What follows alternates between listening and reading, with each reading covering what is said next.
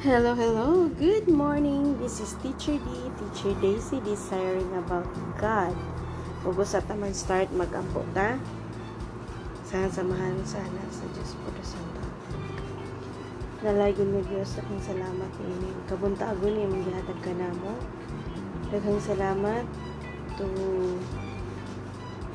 sa tanan, labi na sa safe na magpagkatong o kinauton ta nga ang among mabasa karon. Uh, mo tusok diri sa among hunahuna.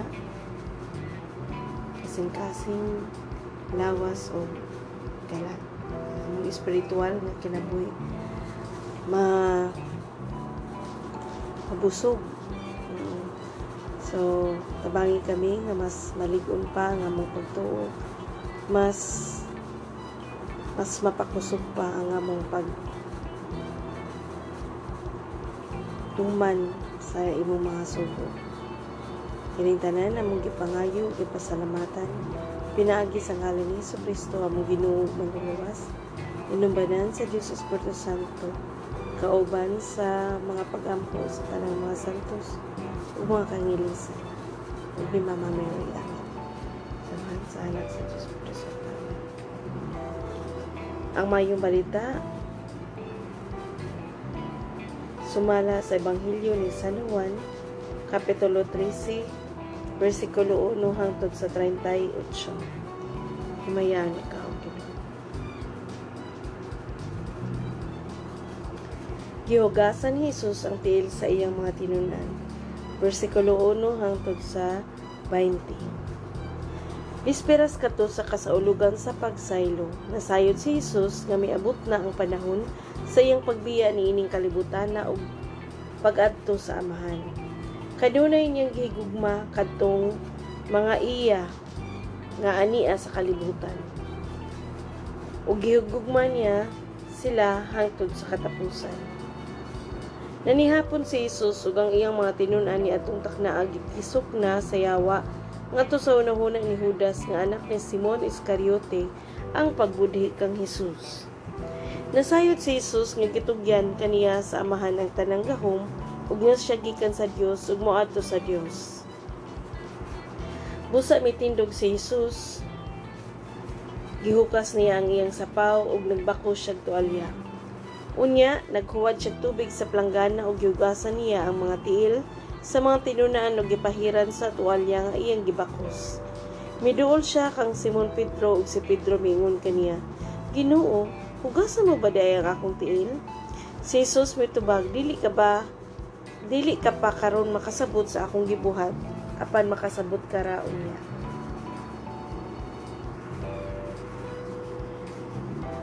Si Pedro mingon, dili gayud ako magpahugas nimo sa akong mga tiil. Apan si Jesus mitubag, kun dili ko hugasan ang imong mga tiil, wala kay labot ka nako. Si Simon Pedro mitubag, kun mao ka na Ginoo dili kay ang mga tiil ko lamang ang hugasi, kun dili hasta usab ang akong ulo ug mga kamot. Apan si Jesus mingon, ang nakaligo hinlo na ug dili na kinahanglan nga maghugas pa. Gawa sa iyang mga tiil. Kamong tanan hinlo na gawa sa usa kaninyo. Nasayod ang daan si Jesus kinsa ang magbudhi kaniya. Busa mingon siya, kamong tanan hinlo na gawa sa usa kaninyo. Humani ini kahugasi ang ilang mga tiil, gisulob pag-usab ni Jesus ang iyang sapaw ug mibalot siya sa iyang dapit sa lamisa. Unya nangutana siya, nakasabot ba kamo sa akong gibuhat kaninyo? Kamo nagtawag ka na kung magtutudlo o ginoo o gusto ka na, kay mauman ka na ako. Kung ako nga inyong ginoo magtutudlo, naghugas sa inyong mga tiil, kinahanglan nga maghinugas sa usab kamo sa inyong mga tiil. Naghatag ako kaninyo panigingnan aron inyong buhaton ang gibuhat ko kaninyo. Sultihan ko kamo walay ulipon nga labaw sa iyang agalon ug walay sinugo nga labaw sa nagsugo kaniya. Karon nga nasayod na kamo sa maong kamatuoran, bulahan kamo kung inyo kining buhaton.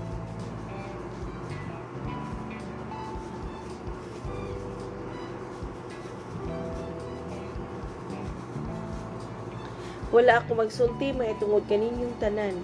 Nakaila ako sa akong gipili apan kinahanglan matuman ang kasulatan nga nagingon.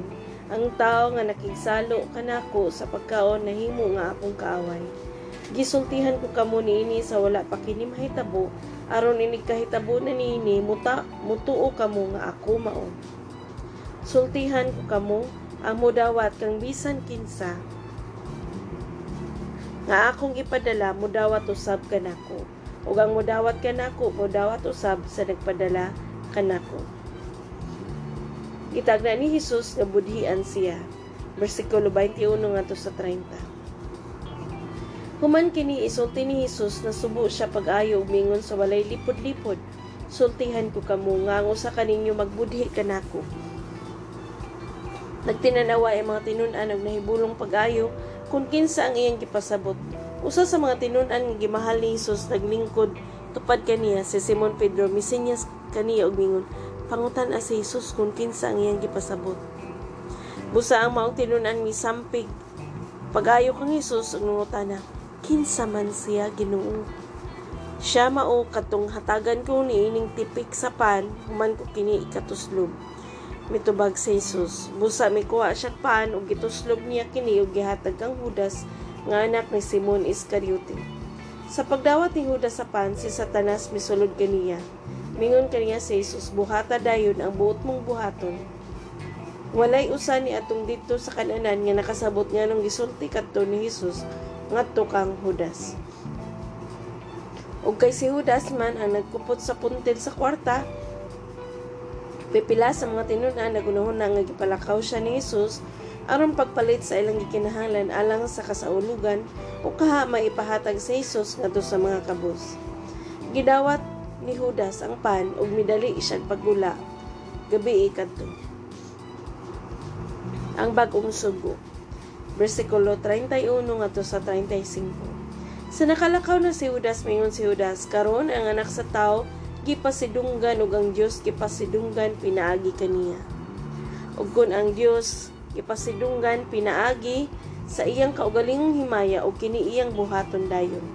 Mga anak, dili na ako magdugay uban kaninyo mangita kamo kanako apan sultihan ko kamo karon sa akong gisulti sa mga kadagkuan sa mga Hudiyo dili kamo makaadto sa akong atuan maghatag ako kaninyo bagong sugo paghigugmaay kamo ingon nga ako nahigugma kaninyo paghigugmaay usab kamo kung maghigugmaay kamo mahibalo ang tanan nga kamo akong mga tinunan Gitagna ni Jesus ang paglimod ni Pedro. Versikulo 36 ngadto sa 38. Si Simon Pedro nangutan na kaniya, Ginoo sa ka man mo adto. Si Jesus mitubag, dili ka pa karon makaadto sa akong atuan, apan makaadto karaon niya. Si Pedro nangutan na, Ginoo nga nung dili man ako makauban kanimo karon, andam ako pagpakamatay alang kanimo. Si Jesus mitubag, Andam ka ba gayon? Pagpakamatay alang ka nako? Sulti, sultihan ko ikaw, sa dili pa mo tugaok ang manok, ilimod mo na ako sa makatulog. Mao kini ang pulong ang ebanghelyo sa Ginoo. Okay. Wrap up.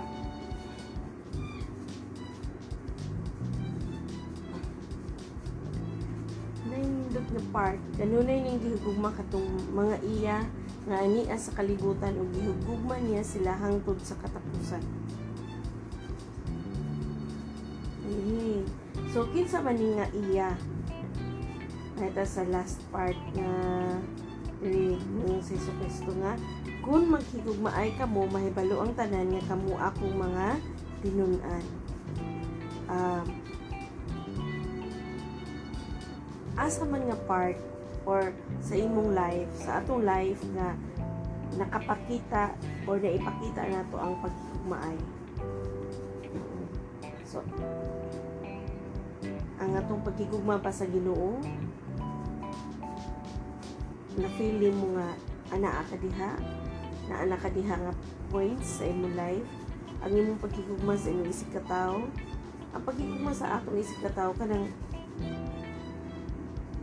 mo understand pa nila. Oo ato kung naa sila buhaton natong dili maayo atong buhatan og maayo. Ginoo So, mga parts sa kinabuhi nga mga points nga dapat natong i-encourage ang tagsa-tagsa. Okay? Pwede ta mahimong uh, person or tao nga dali ra mahiubos, pwede ta ang klase nga tao nga nangaway. Oo, pero ang Ginoo Hesus Kristo wala mag tudlo nato nga mangaway. Oo. Wala siya magtudlo nga atong kung anong pwede mag-istorya, reconciliation, forgiveness, o kindness, kanang kaya nga itong ginoo kind, maluluyon, mahigugmaon, ay yung pasaya, wala ko na siya mga ni sa kalibutan para pag silot kundili sa pagluwas. So, kitang tanan, mahimong instrumento nga kung makitaan sa tao nga unsay atong gisunod, unsay atong gipapuyo sa atong kasing-kasing. Wala na to papuya ang kalagot, ka nga mga minimalus or yun ana. So, uh, mas maligon pa. Oo, hinahinayon lang. Oo, dili ta ingon nga kaning nga nag-istorya karon. Napo siya mga struggle. Oo, dili siya ingon nga perfect na kuan. But anyways, malang na nindot siya nga gihigugma ta sa Ginoo ug ang paghigugma mahimo pud natong sukdanan kung unsa ta nga klase nga tinunan sa atong Dios sa atong Ginoong Hesus Kristo. Ug di ba nag-promise ko ninyo kagahapon nga ako isaysay ang experience namo dito sa uh, paghugas sa tiin o sa dito sa Sapian River or Rich River ang huli ko. Anyway uh, ang tagsa-tagsa na ko nga mga kauban dito, mga tinunan, mga nag-study man with me na Bible time study o Bible time student ang among tawag every Thursday this. So, napod may gitawag nga kanang in kaso dili mi magkita nami GC nga mag uh, is, mag dito mi mag discussion karon ah uh, or mag-send og mga Bible verse. And then karon atong ahaw mong balikon sa among experience dito nga mingon sila uh, para nako nga nag naglimpyo sa ilang mga tiil. Akong feeling lami lang, lami siya nga feeling nga maghugas sa tiil nga nga nga imo lang i-empty ang imong self not knowing or wala ni mo gitanaw na nga bunsa ka. Oo. Kay di ba? Ah uh, siya, humbling experience. Niya sa ila kung kunong part sa ila pareho po sa akong gibati katong ako pud gihugasan na sa tiil nga kuan kada maikod ka nga hugasan ng imong tiil pero at the same time nalipay ka kay at least kanang nalimpyuhan ng imong tiil. Nga someone o corrects you mura pag ka na pang ma, murag ang dignidad murag mabalik o murag ang imong feeling nga ma, mabuo na sa malimpyo na sa niya kun lang sakto gyud ang akong kaila nga mingon nga you try you try sa inyong How about sa inyong pamilya? You try. So, nindot po, akong, akong conviction o kanang, pag I would like to share, nindot po siya, naamoy Bible time sa imong family.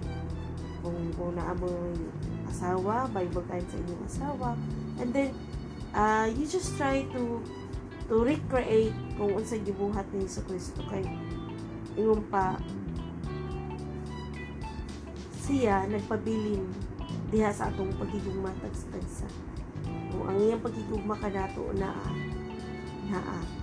Uh, ang ang nakalahi na lang siguro kung giunsa nato paggamit ang pagigugma giunsa nato kini paggamit.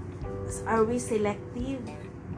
Diba? Selective ba ta sa atong higugma Oo. so uh, it is really great nga nalanggitay humility. kay ingon pa kita tanan lagi tay katapusan and sa katapusan kinahanglan atong makabot ang katapusan ni saan ni Yesu Kristo ka nato? And let us remind ourselves nga mga binunyagan ta. Unya naay tipik sa pagtuon ni Yesu Kristo nga gitudlo nato ang kinahanglan mahimo kitang tinunan. Kay mingon mga ni siya himuang tinunan ang mga ang mga tao sa tibuok kalibutan o bunyagi sila.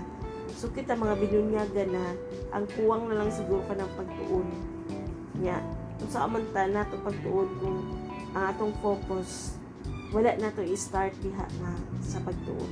So I hope by this time ma-encourage ta mag-start to study pag-study sa Bible. Nga dili ta ingon nga kuan lahi lang gyud lahi lang gyud siya nga part sa kinabuhi nga may pagtuon. Ug kining tanan atong ah, gihatag ang himaya sa Ginoo nga pasalamat ta nga at least natay gabasa natay experience sa Dios ni atong Ginoong Hesus Kristo sa iyang pagkinabuhi dinhi sa kalibutan nga atong mabasa karon. Unya let me remind you nga kani si Juan mao ni ang iyang usa sa mga apostoles.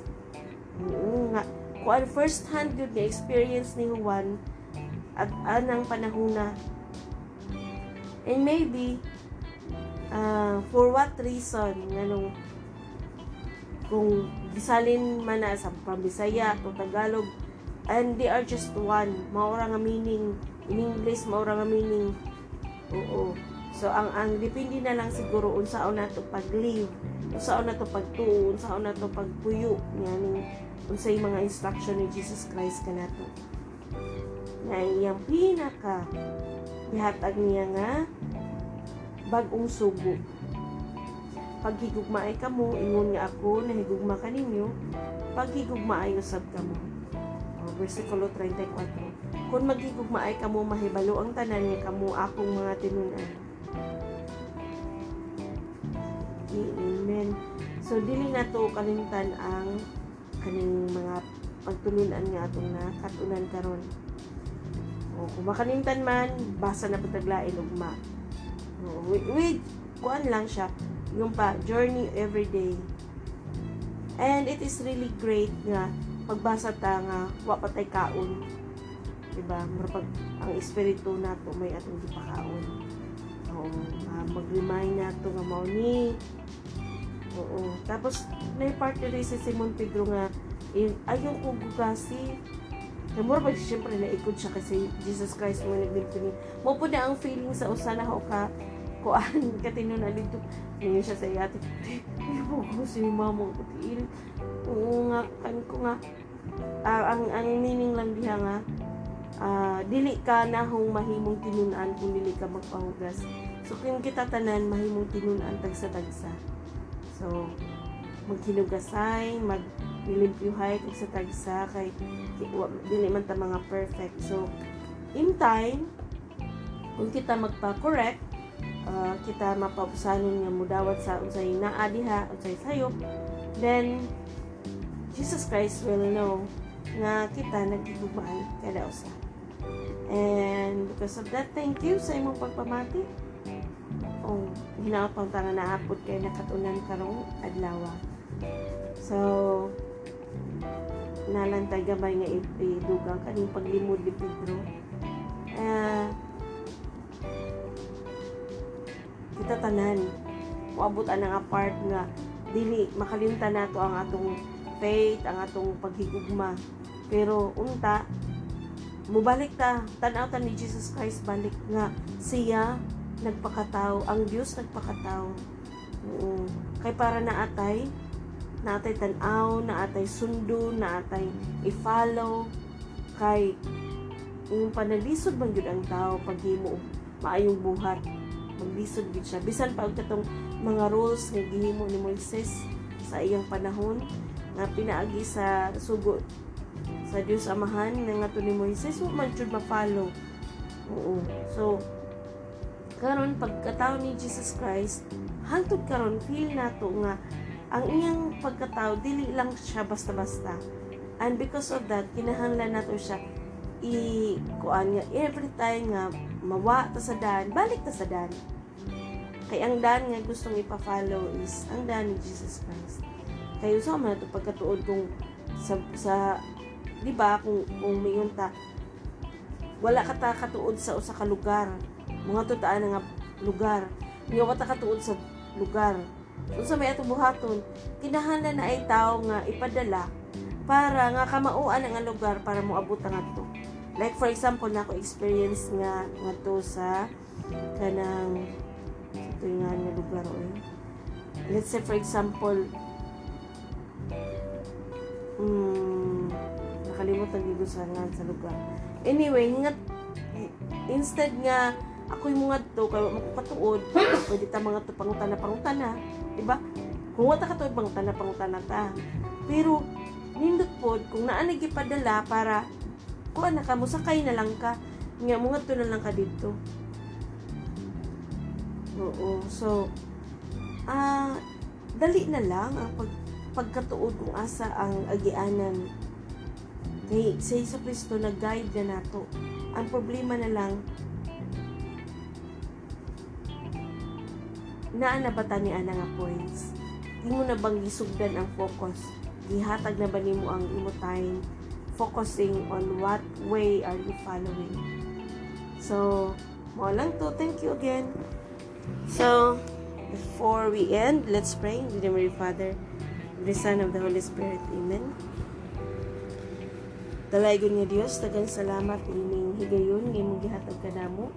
Daghang salamat sa paglaom, daghang salamat sa grasya sa kinabuhi, ug daghang salamat niya ning kinahanglan nga maghigugmaay kami tagsa tagsa nga ang among pakigdait, pakig pakig isig kataw namo ang among ang mga giya, ang mga paglaom, ang paghatag og kon positibo nga kinaiya nagikan diha kanimo. So among Utong ni magampo kami sa gitulo ni Hesus Kristo. Amahan namo nga naa sa langit, balaano na imong ngalan. Maghari ka kanamo ug tumano ng imong pagbuot kini sa yuta. Sa mga yutuman kini dito sa langit. Ihatag ka namo ang pagkaon nga among kinahanglan karong adlaw. Ugpasaylo ka kami sa among mga sala. Sa mga kami nagpasaylo sa mga nakasala ka namo. Ayaw kami tugyan sa pagsulay, luwasay noon kami, gikan sa dawtan kay imo ang kingharian ang gahom ug ang himaya hangtod sa kahangturan. Amen. Maghimaya ka Maria na puno ka sa grasya ng Diyos minang kanimo. Bulan ikaw sa mga babae nga tanan bulan usab ang bunga siya mga si Jesus. Santa Maria, inan ka sa Diyos, siga pamilyo ka sa sala. Karon ug sa oras sa among kamatayan. Himaya samahan sa anak sa Diyos Espiritu Santo may sasaludan kami sa gihapon sa mga kaibigan na wala katapusan na tanan ah, at samahan sa anak sa Diyos Thank you and God bless. Bye.